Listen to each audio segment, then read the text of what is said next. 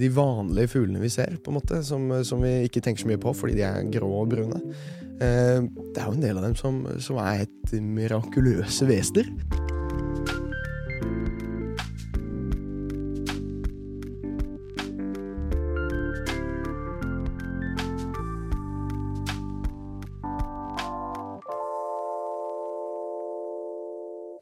Da er vi på lufta igjen, kjære lyttere, kjære seere, alle sammen der ute.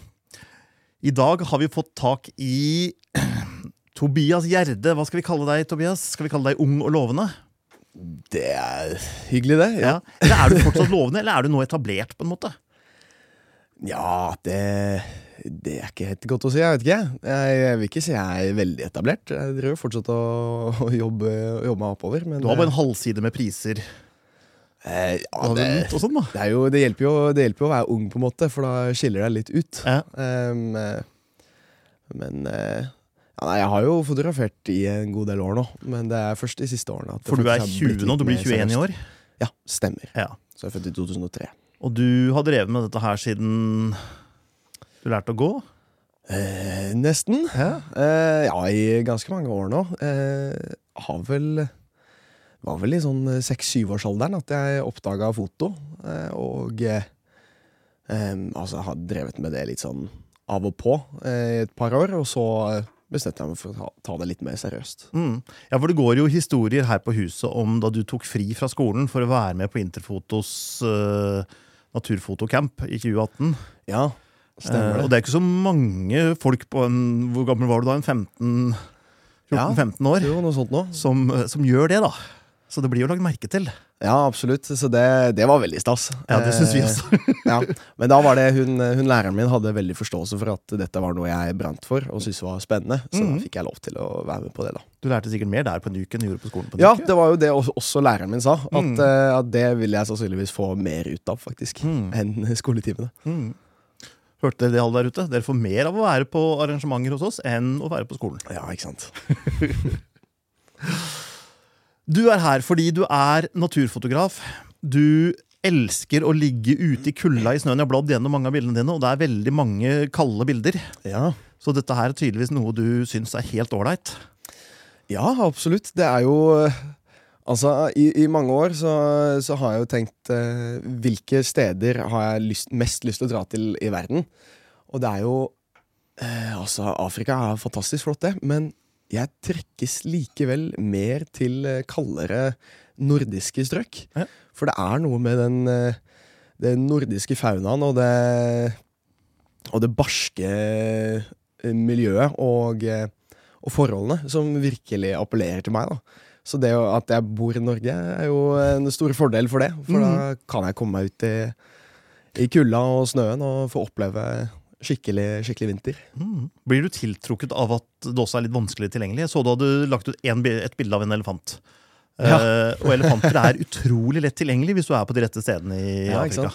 Men norsk fauna er jo, i hvert fall den store faunaen, er jo ikke så veldig lett tilgjengelig. Nei.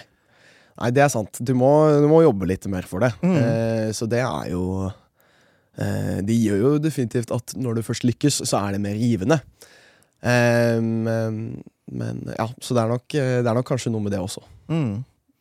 Jeg leste om det, det bildet du vant med i NM i naturfoto. Ja. Det som ble kåret til det beste naturbildet i 2022. Stemmer. Der sa du at du hadde brukt tre år på å Ja. finne denne ugla. Stemmer det. det. Altså, det er jo snakk om da en spurveugle fotografert i Gammelskogen. Og spurveugle er jo egentlig ikke noe sjelden. Eh, den kan dukke opp på eh, fuglebrettet for å ta småfugl på vinteren. Eh, og den, den er relativt utbredt. Og, men den er så fryktelig vanskelig å, finne og få øye på. For den er jo 15 cm høy, eller noe sånt. Eh, på størrelse med en dompap. Ja. Og den er grå Nei, det er brun og brunspraglete. Og den sitter da gjerne eh, enten tett inntil stammen eller noen ganger i toppen av et tre, hvis du er heldig. Eh, og det gjør jo at uh, den er fryktelig vanskelig å få øye på. Og den er jo uh, Som ugler flest, så er de jo ganske stille. Mhm. Ganske anonyme. De jakter jo med uh, ved å, å overraske disse byttene sine. Eh, så det er jo absolutt ikke lett å få øye på. Eh, men eh, Ja, så det, det var tre år der jeg dro ut eh, stadig vekk på, på vinteren for å, å lytte og lete etter spurvugla. Eh, og så hadde jeg jo selvfølgelig sett den før, men det hadde aldri kommet ordentlig tett på og fått de flotte eh, bildesituasjonene. Eh, så det fikk jeg da endelig på den tredje vinteren. Så Mm. det var ekstra givende. Vi har jo hatt en del naturfotografer i Fotopodden før. Mhm. Og det er sånn, jo, og så sitter jeg der oppe i skjulet i Går opp helg etter helg etter helg. uke etter uke etter uke for å få dette bildet. Mm. Men når man er på din alder, og dine jevnaldrende skal på en fest, og de sier 'Tobias, blir du med på fest?' og du sier 'nei, jeg skal opp og lytte etter spurveugle'. Altså, Hva slags forhold får du til jevnaldrende, og hva slags forhold får jevnaldrende til deg, og når sluttet de å spørre om du vil være med på fest? Eh, ja, nei, det har jo blitt noen kompromisser, da. Eh, på Så jeg, jeg, jeg prøver jo å være sosial til tider også, men det er jo klart eh, naturen kaller. Hvis det er meldt, eh, meldt tåke og vindstille og, eh, og sollys på morgenkvisten, så er det jo klart at det fort blir prioritert. Men det, så det, på sommerstid så hender det jo at eh, det stadig vekk blir døgning eh, for å få med meg både kveldsaktiviteter og eh, ut på morgenkvisten. Eh, men eh, Nei, altså, det er jo eh, Selvfølgelig, folk syns jo det er litt merkelig at jeg ligger ute i skogen og venter på fugler. Eh, men eh, samtidig, det er jo noe jeg brenner for, og, og da har jo de fleste forståelse for at det er viktig for meg å, å bruke tid på. Mm. Føler du at det er noe du driver med alene, eller er det Lener du deg på, på andre naturfotografer? Jeg vil i stor grad si at jeg er eh, ganske selvstendig. Jeg har for det meste nokså egne prosjekter. Det er jo klart at eh, eh, altså naturfotomiljøet Jeg syns det er et veldig fint miljø. Det er eh, masse flotte folk, og vi deler jo erfaringer og, og tips og, og slikt. Eh, så det Jeg suger jo til meg alt av kunnskap jeg kan få fra andre. Mm. Eh, men jeg, jeg syns det er ekstra spennende å jobbe med litt egne prosjekter. Mm. Ja, for det er jo, Når jeg ser på naturfotografer sånn rundt omkring, så er de jo gjerne fra min alder og oppover. Og, og da må man jo føle seg litt sånn alene når alle sammen kunne vært faren din eller bestefaren din. Ja. ja det, er ikke, det er ikke så mange unge, Det er nei. ikke store rekrutteringa i bånn der. nei. Jeg ser for meg at de er begynner gjerne når de blir litt eldre og må ha dyrere utstyr og må ha en ny hobby og må ha ikke lenger blir invitert på fest allikevel, eller ikke orker å gå. Ja, ikke sant. Ja, nei, det er jo det er jo litt synd det med at naturfoto er så eh, Altså Spesielt sånn dyr og wildlife er jo så preget av utstyr. Mm. Eh, så det er jo synd at det skal være en stopper for at yngre får faktisk blitt med. Men Mm. eh, eh, Ja, nei, det er jo det er flere dyktige unge fotografer eh, der ute. Det er det, altså. Eh, Vi vet at de fins, men det er Ja, bare et stykke mellom dem sammenlignet ja. med, med de voksne. Men apropos sant. utstyr, eh, må det være dyrt utstyr? nei, det må jo ikke det. Ja, tar, å tar du bilde Eh. av blomster, så trenger det ikke være så dyrt utstyr. Ja, altså det, det er jo klart Utstyr hjelper jo helt, helt klart. Eh, nå har jeg eh, de siste årene eh, holdt meg veldig Eller holdt det veldig uh, si- simplistic. Uh, holdt det veldig enkelt. Eh, jeg har hatt min 300 mm 2.8, og så har jeg ofte brukt en sånn to ganger eh, konverter. Eh, og så har jeg brukt eh, min 5D Mark 4. Eh, Og det har funka kjempefint. Uh, og det har jeg brukt i Det brukte jeg i mange år. Uh, den kombinasjonen uh, funka fjell. Og da bare slutta jeg å høre på alt av sånne nyheter om uh, hva som kom av nytt utstyr, for å ikke friste meg selv. For jeg, jeg hadde jo ikke, hadde ikke budsjettet for å oppgradere. Nei, og selv en 302.8 og en telekonverter og 5D Mark 4, det er jo ikke akkurat Det jo ikke studentbudsjettutstyr. Nei, det er det ikke. Men altså, jeg, har jo, jeg kjøper brukt. Uh, altså gjennom uh, bruktavdelingen til foto.no. Mhm. Jeg har jo kjøpt en del av utstyret mitt. Og så er det jo da, siden det, det er dette jeg faktisk brenner for, å bruke mye tid og energi på, så har jeg tillatt meg å, å bruke f.eks. konfirmasjonspengene da, på Ja. kamerautstyr. Ikke sant? Så, så det går jo an å få til. Men for Ja. eksempel det, det spurvuglebildet ditt. Mm. Du trengte jo ikke noe veldig dyrt utstyr. Du trengte jo ikke noe veldig rask autofokus og høy skuddtakt og, og sånne Nei, ting alt, det alt, det, alt det hjelper jo, eh, helt Mhm. klart, til, eh, til enkelte, enkelte situasjoner. Men eh, for det meste så trenger du jo egentlig bare å ha kontroll på det utstyret du faktisk bruker, Mm. og, og vite hvordan du får mest mulig ut av det. Så man kan begynne ganske rimelig, egentlig. Så Det kan du absolutt. Arbeide seg oppover. Ja, ja. Ja. Så man skal ikke la seg skremme av lange, hvite teler og Nei, på ingen måte. prislapper med seks siffer på. Nei, det, det er mye du kan få til med en relativt billig utstyr. Mm. Jeg hadde jo altså et av, Kanskje et av mine favorittbilder er var en eh, svane i flukt, som jeg har panorert. Ehm, som er fra jeg tror det er 2018. Um, det er tatt med en Jeg tror det er en Canon eh, EOS 550. Mm. Uh, og ehm, eh, en Tamron 150 til 600 mm. Ja, ikke sant. Og det funka fint i mange år. Nei, de gjør det også, så er det jo selvfølgelig spørsmål om du gjør dette her for egen del, eller om det er noe du skal selge eller tjene penger på eller leve av, Mm. og så videre.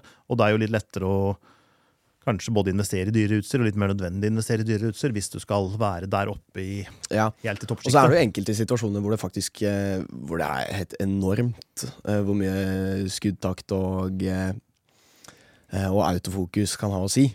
Så jeg husker jo han Han Knut Erik Alnes, eh, en god kompis av meg. Han eh, har jo pusha litt på Du skal ikke skaffe deg den der, da. Du skal ikke skaffe deg en ny der.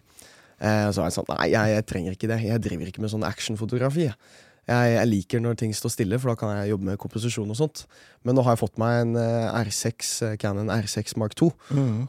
Og nå har jeg begynt med actionfoto. Eh, For det har jo faktisk åpnet en hel ny, verden. Ja. Eh, så det er jo helt klart at utstyr hjelper. Eh, Det gjør det. selv, om det ikke, selv om det ikke er alt. Ja. Jeg pratet med han eh, for en stund siden da kameraet gikk fra å ta 20 bilder i sekundet, som vi syntes var mye da det kom, til 40 bilder i sekundet. Mm. Og jeg spurte han, men trenger man de siste 20? Og så sier han ja, man trenger alltid mer. Men da vil jeg spørre deg, hvor mange trenger man? Altså Nå har du jo kamera som tar 120-150 bilder i sekundet. Ja. Ønsker man seg fortsatt mer? Altså, det, det kommer jo helt an på hva du fotograferer, da. så små nå at Eh, nå var jeg, eh, altså For det meste så, så setter jeg faktisk min R6 Mark 2 på 20 bilder i sekundet istedenfor 40. Mm. Eh, for å få mer buffer, og eh, da eh, ja, kunne holde mer ned. Og, eh, og få en lengre situasjon. Mm. Men eh, Men i dag tidlig, for eksempel, så fotograferte jeg skjeggmeis ute på Fornebu, og de er jo eh, beveger seg raskt, og plutselig så kaster de seg ut og skal eh, fly eh, en meter, og da må du være ganske rask på ballen. Ja. Og da hjelper det jo helt klart med 40 bilder i sekundet. Ja, for småfugl i flukt, det må jo være noe av det mest krevende å ta bilde av. Ja, det er krevende for både fotograf og utstyr. Jeg klarer ikke ikke å følge dem, jeg klarer ikke å holde dem i søkeren engang. Lenge før autofokus og ting begynner å så da hjelper det med, med 40 bilder i sekundet. Da, Ja.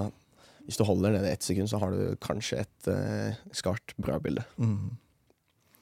Ja, for det må jo ha vært nesten umulig i gamle dager. Nå har du vel aldri fokusert så mye manuelt, for du, Nei. autofokusen var vel 15 år gammel da du kom til verden. Men, eh, Mm. men sånt var jo helt umulig Ja. for oss som ikke var jobba med det hver dag. ja, ikke sant. Så det har jo skjedd noe på, på verktøyfronten. Mm. Jeg ser du tar, av, du tar mye bilde av fugl, du tar bilde av en del storvilt. Mm. Um, jeg ser ingen antydning til at du bruker åte. Stemmer det? Det stemmer, det. Um, Kan du Det si litt om om hvorfor ikke? nei, altså, det er ikke noe stor grunn til det, egentlig. Eh, Eller kanskje noe av det er nok eh, det at eh, jeg eh, Altså, jeg har ikke noe imot åtte, bare så det er sagt. Og det kan eh, fort hende at jeg plutselig ender opp hos fotobonden en tur og, og knipser litt der. Eh, og Men eh, Nei, altså, jeg, jeg syns det er spennende å, å jobbe med, med egne prosjekter hvor jeg bruker mye tid på å finne ut hvor dyra naturlig oppholder seg. Um, og bruke mye tid på å rekognosere skogområder. Noe av det beste jeg vet, er å gå ut i, ut i skogen eller på fjellet et sted hvor jeg aldri har vært før. Og bare ta til meg alle inntrykkene og, og se eh, ja, hvor, hvor eh, kan det være potensial for å komme tilbake seinere.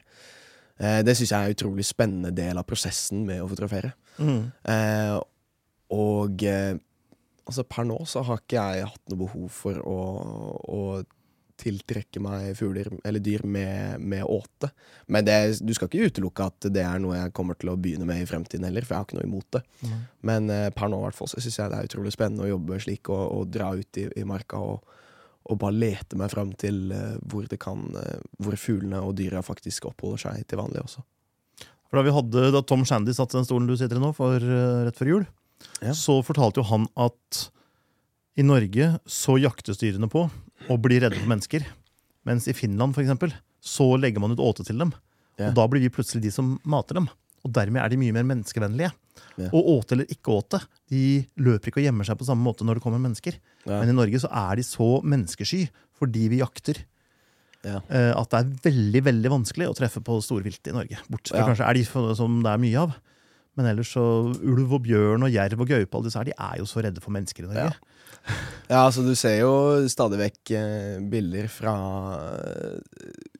fra Amerika eh, av, av disse store landpattedyrene eh, som ikke er like redde for folk eh, i disse nasjonalparkene og sånt.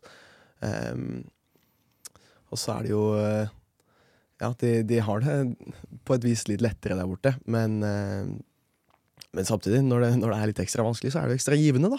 Det er jo ekstra givende. Og hvis du ikke trenger å leve av det, så kan jo det være gøy. Ja, Men det øyeblikket du trenger å få fanget det bildet for å få solgt det bildet, for å få betalt husleia, så er det jo et annet spørsmål. Ja, altså. det er sant. Det er absolutt sant. Så jeg skjønner jo at folk bruker åte. Mm. Er det noe, er det noe sånn problematisk med åte at dyrene si Hvis du legger ut åte til ørna, da, Mm. så lærer ikke avkommet å jakte, for avkommet vet at de får åte. At det blir lagt ut mat til dem, og dermed lærer de ikke å jakte, og dermed blir det et problem hvis åte plutselig ikke blir lagt ut. Ja, nei, altså det Um, nå, er, nå er det utenfor mitt eh, fagfelt, Ja, nei, men men, eh, men, men, å- eh, men jeg har ikke jeg, synes, jeg ser ikke for meg at det er noe stort problem. Det, de, de fuglene som kommer på åte, og, og dyr for så vidt, er jo i stor grad også åseletere. Mm. Så de er jo vant til å faktisk oppsøke eh, døde dyr for å, for å overleve. Ja, nettopp. Ja. Mm. Må du lære deg mye biologi, zoologi, for å kunne gjøre dette her, eller leser du deg opp på de enkelte artene du jakter på når du skal ut og jakte på dem, eller hvordan forbereder du deg når du skal ut og finne disse dyrene? Nei, altså det er jo helt klart eh, altså, Jo mer du vet om de artene du skal jobbe med, jo mer sjanse har du nok for å lykkes med å fotografere dem.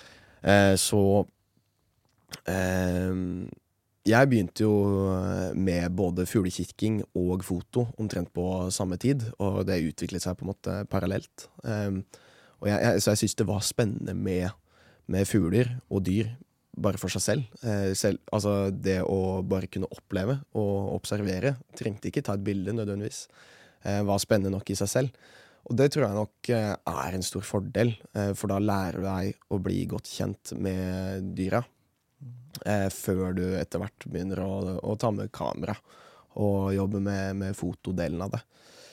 Um, så jeg prøver jo å lese meg opp og, og suge til meg mest mulig kunnskap om de artene jeg syns er spennende, som jeg har lyst til å jobbe med. da. Mm. Hvor stor forskjell er det på hva du gjør når du bare skal se på fugler, når du skal fotografere fugler? Altså hvor eh, Ja, nå skal det sies at ja. nå De siste årene så har jeg sklidd ganske mye mer over i foto. mm. At det er det som er eh, Men du må jo gjøre mye av prosessen allikevel. Du må jo finne Ja, ja. arten Helt klart. og, og se den. Mm. Så lete og se prosessen Ja, eh, er jo der, men du er kanskje ikke så avhengig av at lyset er riktig, eller at det skjer noe, eller jeg vet ikke. Nei, ikke sant? Uh, ja, det, det er jo litt forskjell på, på en fuglekikker og en eh, fotograf i det at eh, en fuglekikker kan gå, være helt i ekstase av å se en liten prikk eh, tre kilometer unna.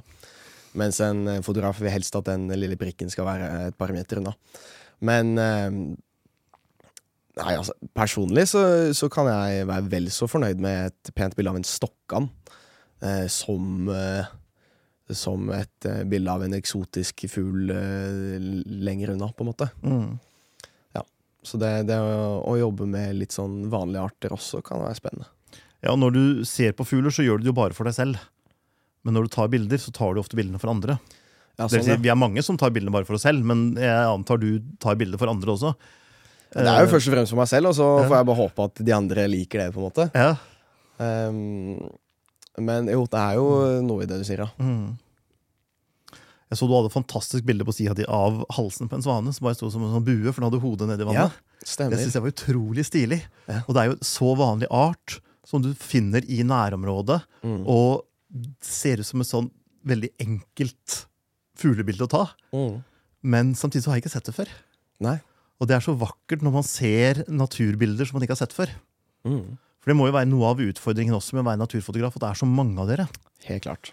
Og det er så lett for at det blir likt.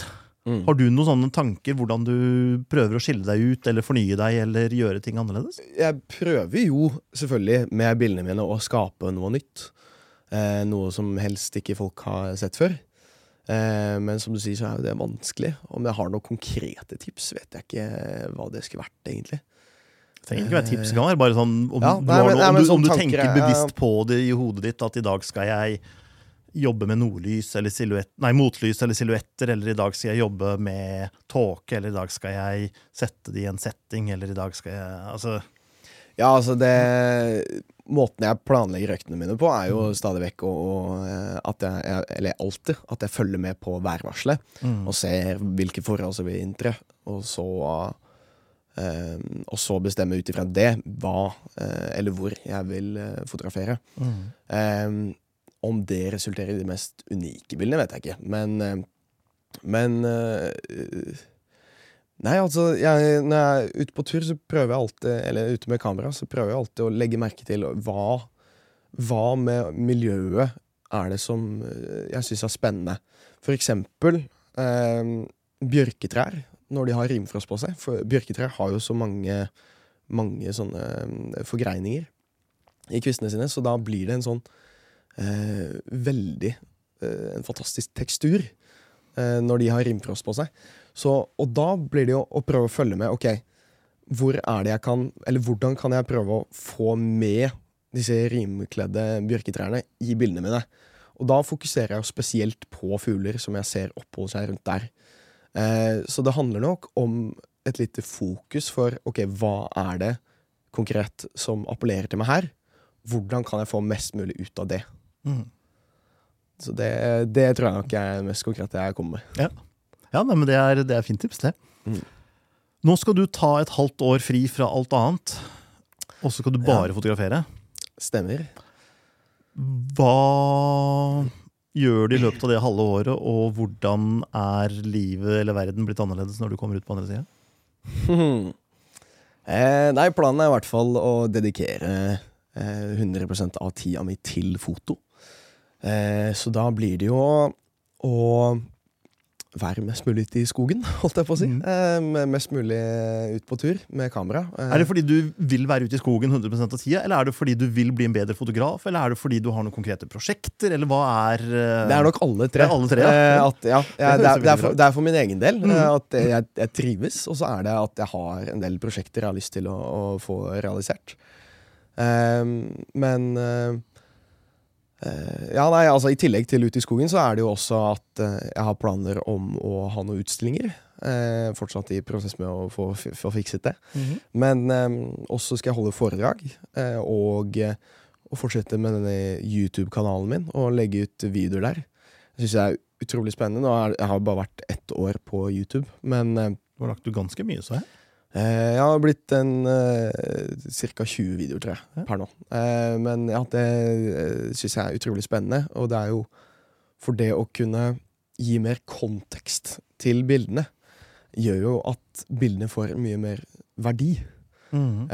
Så det å utforske litt sånn behind the scenes og skapelsen av, av bildene, det syns jeg er utrolig spennende. Og det har jeg som sagt tenkt til å jobbe mer med i løpet av dette året. Men øh, kommer du ikke ut av fotobobla når du plutselig skal begynne å filme og kommentere? Altså, jeg ser det som en vanskelig kombinasjon. Ja, det, det er ikke lett. Det er det ikke, på ingen måte. Um, og ehm, Ja, så da må, jeg, da må jeg samtidig prøve å tenke ok, hvordan kan jeg formidle dette best mulig. Men um, jeg er jo fortsatt helt alene. Eh, Så det, jeg føler ikke det får meg noe sånn ut av bobla, egentlig. Nei. Eh, Det eneste er jo at eh, det er vanskelig å vite når du skal filme og når du skal ta bilder. Men er det en Men da må jeg bare tenke hva kommer best ut i bildeform, og hva kommer best ut i video. Eh, Så hvis jeg ser en situasjon som jeg tror ikke nødvendigvis blir noe spennende stillbilde, så vil jeg switche om til eh, å, å ta video isteden. Mhm. Men sier du liksom ok, nå tar jeg ti minutter hvor jeg fokuserer på video, nå tar jeg en halvtime jeg fokuserer på foto? Eller kan det Nei. plutselig nei, nå var det litt dødt, nå lager jeg litt video, for nå Ja, det eh, funker, det òg. Og det så siste, forsvinner blinkskuddet bak deg fordi du var i Ja, videoverdenen. det, det har jo selvfølgelig hendt. Eh, Det er jo en risiko man må ta. Men, eh, men jeg syns det er såpass givende å kunne fortelle disse historiene fra felten at, Mm. eh, at den risikoen er jeg villig til å ta. Og du når jo en helt annen gruppe mennesker også. Helt klart. Så det er veldig mange flere som sitter på YouTube og vil se en fugl, enn som uh, slår opp navnet ditt og finner hjemmesida di og blar gjennom portfolioen. Den der. Mm. Så, så jeg ser jo det, at du, du får et, et større nedslagsfelt. Mm. Og så er det jo det, I tillegg så er det jo det at eh, folk flest vet jo ikke hva en uh, fjærplytt er. Nei. Så da må du jo eh, ta dem med ut og, og vise dem hva en fjærplytt er. Mm. Eh, så det å, å ja, gi mer kontekst til bildene syns Mm. jeg er givende. Jeg tror det er veldig, veldig nyttig at du gjør det du gjør, fordi jeg for eksempel, jeg er veldig lite interessert i fugler i Norge, men jeg er veldig interessert i fargerike fugler i andre land. Ja, Så Det er litt, litt motsatt. ja, Så jeg har sånne bøker om, om fuglene i Øst-Afrika og, og sånne ting. Men eh, jeg vet jo ingenting om fugler i Norge. Jeg kan navnet på en del av de på fuglebrettet.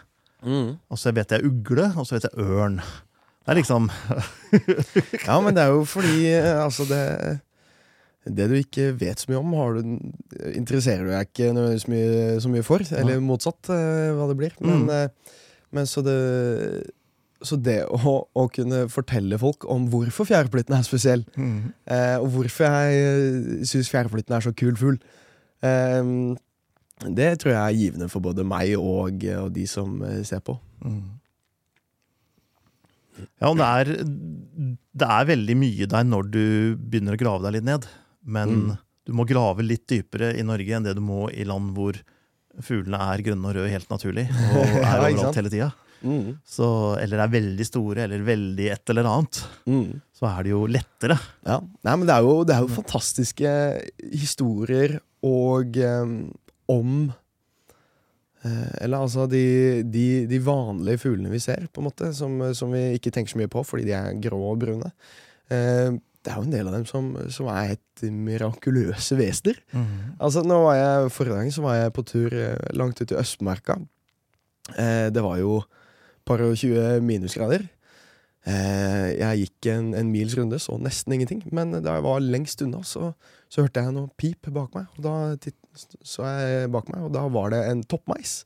Så jeg var nysgjerrig og, og kom ned for å se litt på meg. Og det, altså det er jo forbløffende at en så liten fugl kan klare å overleve når det blir ned mot, eh, ned mot 30 minus. Og det, det virker jo så dødt i skogen, og det er jo så lite mat å finne. Men Og ingen fuglebrett i nærheten. ja, og ingen fuglebrett å, å, livnære seg. Så det er jo eh, det, det å kunne sette litt pris på de, de vanligere fuglene som vi fort overser, det, det syns jeg er spennende Og så er, det jo en, er det en kjensgjerning når du skal fotografere natur, at det er veldig mye lettere å få blinkskuddet der hvor du kan gå hver dag, Ja. enn der hvor du reiser en gang i livet. Helt klart. Så hvis du går den stien der hver dag i et år, så dukker det mer interessante ting enn hvis du går en annen sti én gang. Absolutt. Det, du må jo Altså, jo mer du er ute, jo mer øker du jo flaksen din. Eh, men samtidig så må du jo også eh, ja, vite litt om hvordan dyra beveger seg gjennom der, eh, for å igjen øke flaksen din. For eksempel, hvis det er mye vind, så er det i gåsehudene ikke vits i å dra ut. Um, for da er det en del av dyra som, som bare tar livet helt med ro. Eh, men, eh, men ja, helt klart. Hvis du, jo mer du er på samme sted Men du vet sted hvor stola står når på dagen, så du Ja. kan få de rette bakgrunnen eller forgrunnen, og når den Ja. går opp og når den går ned, og Ja. når så lyset er fint, og ikke sant? Det føler Når jeg absolutt trekkfuglene kommer, og når de drar. Så det må jo være veldig veldig mye lettere enn å være et, enn å være et fremmedsted. Ja, definitivt. Og, og hvis man eh, skal man dra et fremmed sted, så er det jo lønner det seg å prøve å finne ut mest mulig om det stedet, for å få eh, mest mulig ut av, eh, av turen. da. Mm. Den som er best forberedt, har mest flaks, er det ikke sånn? Absolutt. Jeg hadde egentlig ikke tenkt å snakke så veldig mye om alderen din, men det er jo en kjensgjerning at noe av grunnen til at du er her, er at du er ung. Mm. For ellers kunne jeg hatt eh, Roger Brennhagen enda en gang. um, hvordan, hvordan var dette her, eksempel da du var på skolen og du hadde en interesse som ingen andre hadde, og hvordan liksom fungerte det sosialt, eller var det fullstendig uinteressant hva alle de andre dreiv med, for du hadde Det- ditt Det, er, det har jeg ikke tenkt noe som helst over, egentlig. Eh, det har vært helt naturlig.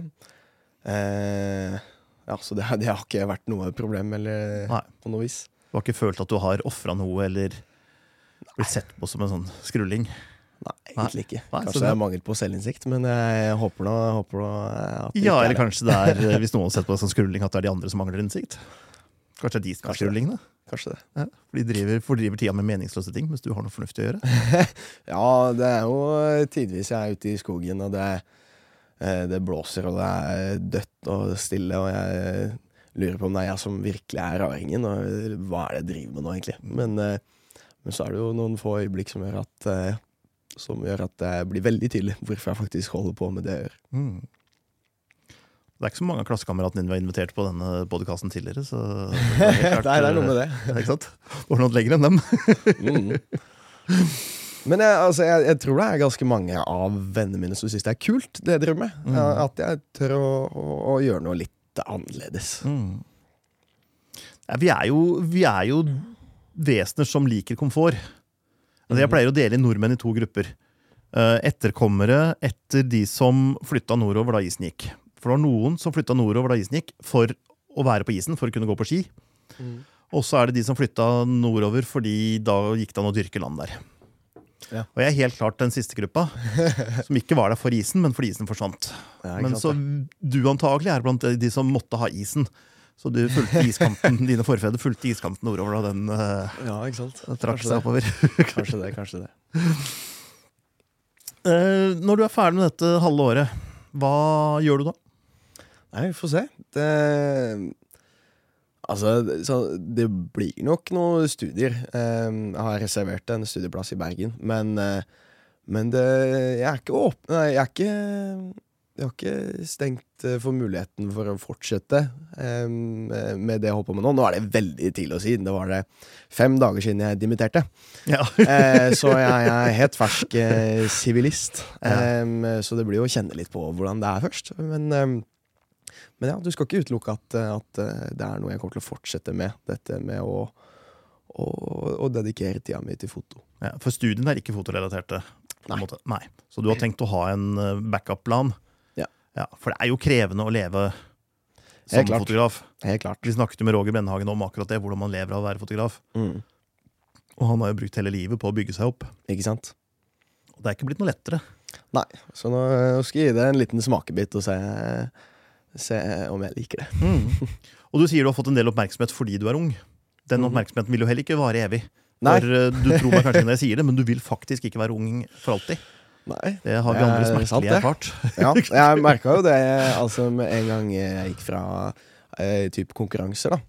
Em, at eh, det er jo et nivå opp. Eh, fordi det er, jo, det er jo en del konkurranser som har sånn ungdomskategori. Så Mm. utrolig fint tiltak for å få flere unge til å faktisk interessere seg for det. Em, men med en gang du er oppe i voksenkategorien, så er det jo mot eh, alle slags profesjonelle fotografer, og da er det jo en annen sak. Ja, men NM i naturfoto, der var det jo ikke noe ungdomsklasse.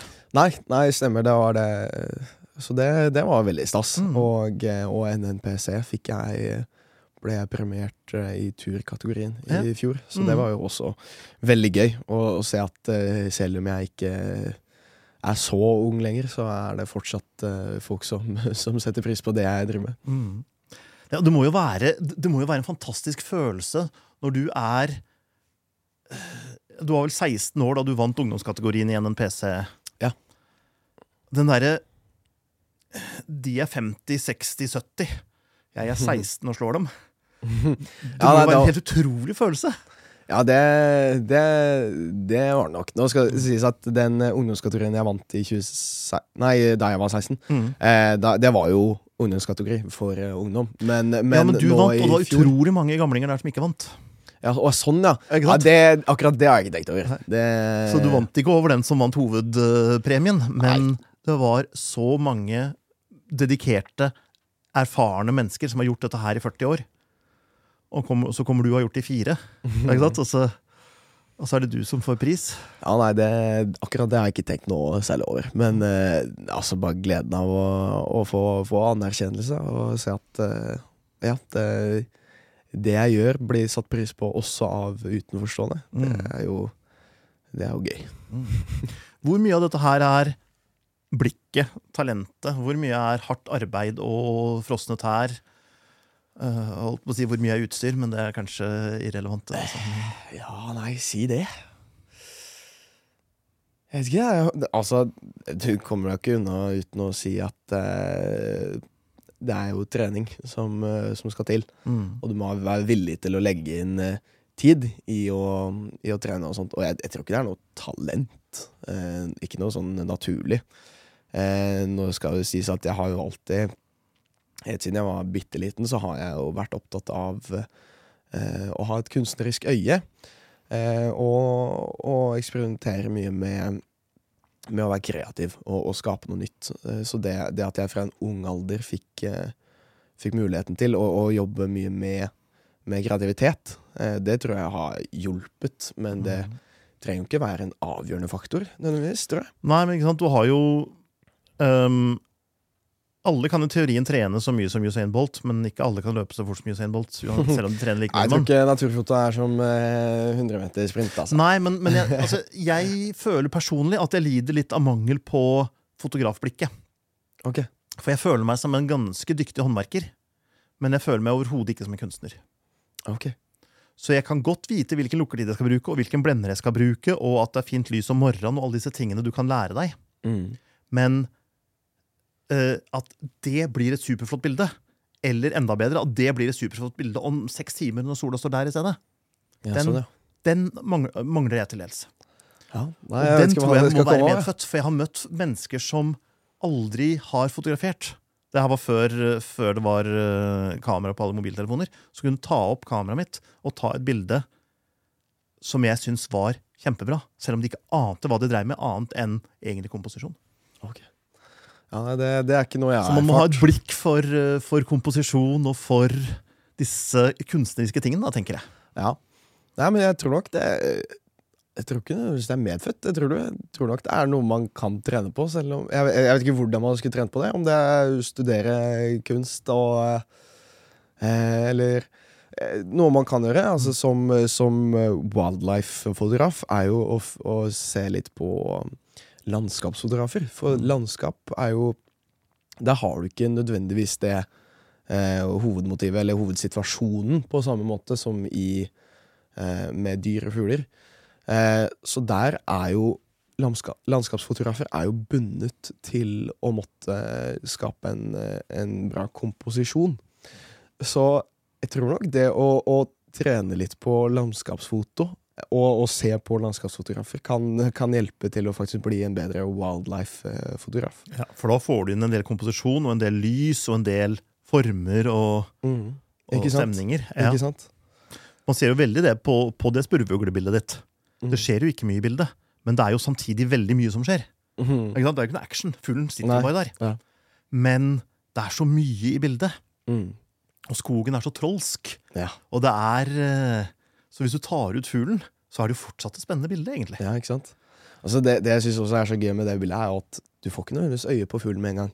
Du må faktisk lete litt. Mm. Altså Det at spurveugla er litt, eh, er litt gjemt, Mm. og litt sånn anonym, eh, det forteller jo så mye mer om spurveugla, og forteller om at den er faktisk eh, Den er godt til å gjemme seg, og den er en ganske kryptisk art, om du kan si det sånn. Mm. Ja, for, for vi ser jo veldig mange naturbilder som egentlig er artsdokumentasjon. Ja, ikke sant? Du isolerer uh, dyret eller fuglen så mye fra omgivelsene at du har ikke noe mer enn en, egentlig en beskrivelse av hvordan den ser ut. Ja, ikke sant? Men det som er så vanskelig med foto, er jo at på den ene siden så har du at det enkle er ofte det beste. Jo, jo enklere komposisjonen er, jo mindre forstyrrende elementer det er, eh, jo mer eh, estetisk og lettere er det, eller lettere å betrakte et bilde, på en måte. Mens på den andre siden så er det jo mer kontekst du har, jo mer forteller du om eh, bildet. Og, så det, det vil jo alltid være et kompromiss mellom eh, og mellom kontekst og eh, enkelhet. Og da å, å treffe eh, den gylne middelvei der er jo ikke nødvendigvis så lett.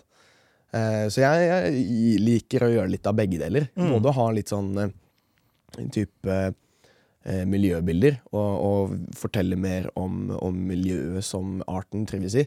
Eh, samtidig som jeg også liker eh, å ta enkle portretter, f.eks.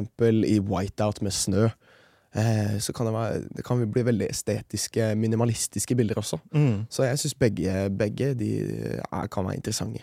Mm. Og så er det jo veldig forskjellig hva slags bilde det er. Altså Har du to fugler som slåss som en fisk i lufta, så er jo det et actionbilde. Og har du en, en spurveugle i gammelskogen, Mm. så er jo det like mye en, en dokumentasjon av gammelskogen og en setting og lys og stemning og alt mulig. Mm. Og har du en svane som har som du bare ser halsen på, for den har stukket hodet ned i vannet, Mm. så er det egentlig et geometrisk studium. Ja. Det har nesten ikke noe med natur å gjøre i det hele tatt. ja, ikke sant? Ikke sant? Så det er altså, veldig altså, naturfoto kan jo være så mangt. Altså, det å, å, å begrense seg til én art betyr jo ikke nødvendigvis å begrense seg til én type bilde. Nei. Du kan jo, og som det bildet du, du nevner der, med, med den svanehalsen, er jo en sangsvane. Um, som faktisk ikke nødvendigvis er så vanlig. Ehm, men det er jo en art jeg har jobbet veldig mye med i eh, en del år. Uh, og eh, alt av sånn forskjellige forhold, uh, lokasjoner og, og, um, og lys uh, betyr jo at jeg har fått ekstremt mange forskjellige bilder av samme art. Mm. Til og med samme individer. Eh, så det, det, er det, ja, er, det er spennende å holde øyet opp for eh, hvordan å skape noe nytt av samme art. Mm. Da tror jeg vi sier tusen takk for at du kom, Tobias. Tusen takk for at jeg fikk komme. Og igjen, tusen takk til alle dere som holder ut med oss uke etter uke. Takk for at dere hører på og ser på, og vi er tilbake om en uke igjen som vanlig.